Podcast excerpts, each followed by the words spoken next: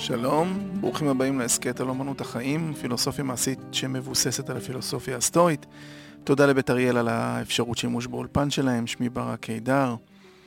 אני עוסק בייעוץ פילוסופי, לומד ומתרגל פילוסופיה סטואית. אתם מוזמנים לאתר שלי, stoaisrael.com, וכן לדף הפייסבוק של אמנות החיים, פילוסופיה מעשית. תרשמו בעברית אמנות החיים, פילוסופיה מעשית. שם יש אה, פוסטים מעניינים. היום אני אלווה אתכם לתוך אה, ציטוט שאולי אה, יסייע לכם ולו במעט בנבחי החיים. הפעם הציטוט הוא מתוך הספרון של הפילוסוף הענק אפיקטטוס. היום אפיקטטוס פחות מוכר, אחד המאה ה-19, הוא היה מאוד מאוד נפוץ. סיפרתי בפרקים הקודמים, בפרק קודם, שאפיקטטוס היה עבד ששוחרר והפך לאחד מהמורים החשובים לפילוסופיה הסטואית. הוא בעל השפעה עיקרית על הקיסר מרקוס אורליוס, שמספרו גם נצטט לא מעט. אפיקטטוס גורש מרומא יחד עם שאר הפילוסופים בעת שלטונו של הקיסר דומיטיאנוס, פחות חשוב. הוא פתח בית ספר באפירוס בצפון מערב יוון. למעשה, אפיקטטוס לא כתב, לא כתב, והספרים שיש בידינו נכתבו על ידי תלמיד שלו בשם אריאן, וההנחה היא שהם תיעוד מהרצאות והם מאוד אותנטיים. הוא כתב את השיחות שמורכב מארבעה ספרים, כנראה שהיו יותר, אבל זה מה שיש בידינו, ואת הספרון אנקרידיון ביוונית, או המדריך, אפשר למצוא בעברית את המדריך אה, שהוא תמצית של הפילוסופיה של אפיקטטוס, הוצאת נהר, אברהם אורתי תרגם. המדריך של אפיקטטוס ליווה רבים לאורך ההיסטוריה מלבד תלמידי ומתרגלי פילוסופיה סטואית. הציטוט היום הוא משם, והתרגול שנלווים לו הם כאמור מתוך המדריך, והוא הולך כך: מיד אם כן, התאמן לומר לכל רושם טורדני, רושם אתה, ובכלל אינך מה שאתה נראה. לאחר מכן בחר ושפוט אותו בחן ושפוט אותו על פי אמות המידה שברשותך. העיקרית והחשובה שבהם היא זו, האם הרושם שייך לדברים שבשליטתנו, או לאלה שלא בשליטתנו. אם במידה מסוימת שייך הרושם לדברים שאינם בשליטתנו, החשיבו כפעוט, משום שאין לו ולא כלום כלפיך. אפיקטטוס פה מעודד אותנו לפעול לפי אחד מאבני היסוד של הפילוסופיה שלו, אחד מהמרכיבים המשמעותיים ביותר והפרקטיים ביותר, אך לא פשוט בכלל. בכל עת אה, לבחון את הרשמים שלנו זה קשה. דהיינו את התגובה הראשונית לאירועים, לאנשים ולמה שנאמר לנו. הרושם, הכוונה היא למה שאנחנו חווים מהמציאות. לבחון כל דבר כזה, לקחת צעד אחד אחורה, השתרות קצרה, לשם מרווח בו נוכל לנהל דיון רציונלי עם עצמנו, להימנע מהחיפזון שבו מתעוררים רגשות שליליים כמעט אינסטינקטיבית. עכשיו אני אומר כמעט אינסטינקטיבית כי בכל זאת יש מרווח קטן שניתן לנהל בו את הדיון עם עצמנו. המרווח נותן לנו את האפשרות לשאול את עצמנו, האם מה שאני חווה כרגע הוא תחת שליטתי? אם כן, אני צריך לפעול בהתאם, אם לא, אז זה לא ענייני. זמן ההמתנה על קו למוקדי שירות, לא בשליטתי. התנהגותם של אנשים אחרים, לא בשליטתי. אפילו דברים משמעותיים כמו הכסף שלי, המוניטין שלי והבריאות שלי, גם הם לא בשליטה שלי. מה שכן בשליטה שלי זה יכולת לפעול למען המוניטין שלי והבריאות שלי. אה, זה כן בשליטה שלי, השיפוט שלי והמחשבות שלי בשיפוט שלי. המחשבות שלי, השיפוט שלי, הם כן בשליטה שלי.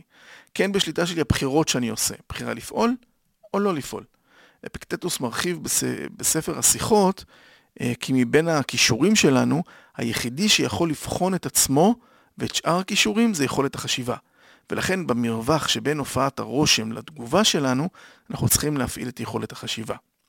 אני קראתי איזשהו פוסט uh, בפייסבוק שחבר uh, התייעץ והוא די ממחיש את העניין. הוא כותב, הוא מספר שם שהוא התחתן לפני כמה שנים, ואחרי החתונה הוא שם לב שאחד מהחברים הכי טובים שלו אין שם צ'ק ממנו. וכעבור כמה שנים אותו חבר גם החליט להתחתן והזמין אותו לחתונה, והוא שואל בפוסט, איך אני צריך לנהוג? לא להגיע בכלל, גם לא לשלוח מתנה, להגיע ולא לשים מתנה, אה, כמו שעשה החבר לצורך העניין, להגיע ולשים מתנה קטנה כדי ללמד את החבר לקח, להגיע ולשים מתנה יפה כראוי לחבר, כי זה לא משנה מה קרה לפני כמה שנים. הסטואים מלמדים כי התנהגות נכונה היא לפי המידות, דיברנו בפרק הראשון קצת על המידות, אה, והתנהגות לפי המידות זה הטוב היחיד. המידות הן תמיד ידע והן סגולה, סגולה שאני צריך לפתח ולהתאמן עליה, אני צריך להצטיין בהתנהגות אתית, בלי קשר להתנהגות של הזולת, זה שלי. אז נחזור רגע לעניין הרושם. שמנו לב שלא הגיע צ'ק מחבר, זאת עובדה. יכולות להיות לה מספר הסברים. הוא בכוונה לא שם, אנחנו פספסנו, הוא שכח, ועוד סיבות רבות שלא העלינו בדעתנו. עכשיו, יכולנו לשאול אותו, אבל אז אולי היינו מביכים אותו. אולי הוא היה במצוקה כספית, ובאותה עת התבייש להגיד לנו. אבל אפיקטטוס אומר לנו שרושם טורדני צריך להישקל לפי אמת מידה הראשונה שיש לנו, האם זה בשליטתנו או לא בשליטתנו. אין לנו שליטה על הצ'ק מהחבר, ולכן זה לא עניין שלנו. העובדה היא שאין צ'ק. יש כאלה שיבואו עכשיו ויגידו לי, בטח זה עניין שלנו, לא קיבלתי כסף, או חבר לא נתן לי צ'ק. לא, זה לא עניין שלנו, זה לא בשליטה שלי. אם הוא לא שם צ'ק, זה עניין שלו. אם בכוונה ואם לא בכוונה, אם מתוך מבוכה, אם מתוך מצוקה, כמו שאמרנו, מאלף ואחת סיבות שונות שאני לא יודע. בשליטה שלנו לא לאפשר פרשנות לעובדה של למה אין פה צ'ק. ברגע שאנחנו מוסיפים לעובדה שיפוט ערכי, כי הוא לא שם, כי, או שאנחנו פספסנו, זה כבר שיפוט, זה כבר הסבר, זו כבר תרומה שלנו לעובדה, הפרשנות. אז גם אין לנו סיבה להמשיך ולתת לרושם לנהל את החשיבה שלנו. וגם עלינו לבחור להתנהל לפי מידות טובות, כמו שאמרנו. אז החבר הזמינה אותנו לחתונה, אנחנו צריכים לנהוג באופן אתי ולשים את המתנה שהיינו שמים בלי קשר להתנהגות של החבר. כי ההתנהגות שלנו נקבעת על ידי אמות המידה שלנו, על ידי המידות והסגולות שאנחנו פועלים לפיהן. אם הוא לא שם בגלל שהוא שכח, זה קורה, לא בשליטה שלנו. אם הוא לא שם בכוונה בשל קושי כספי או סיבה אחרת, זה לא בשליטה שלנו. אם הוא יבחר להגיד לנו, אז אנחנו נדע. ההחלטה שלו להגיד או לא, היא שלו, והיא לא בשליטה שלנו. לכן, זה לא צריך להטריד אותנו. אם הוא לא יגיד לנו, אנחנו נמשיך לנהוג לפי הדרך שלנו, שעליה אנחנו מתאמנים. זה נשמע כאילו אה, חריג, זה נשמע כאילו, מה, לא נשאל את החבר, לא נעיר לו? אני אומר, לא. לא, אם הוא רוצה להגיד, הוא יגיד, וגם אם הוא שכח, אז קורה, אז הוא שכח. למה להביך אותו על זה שהוא שכח?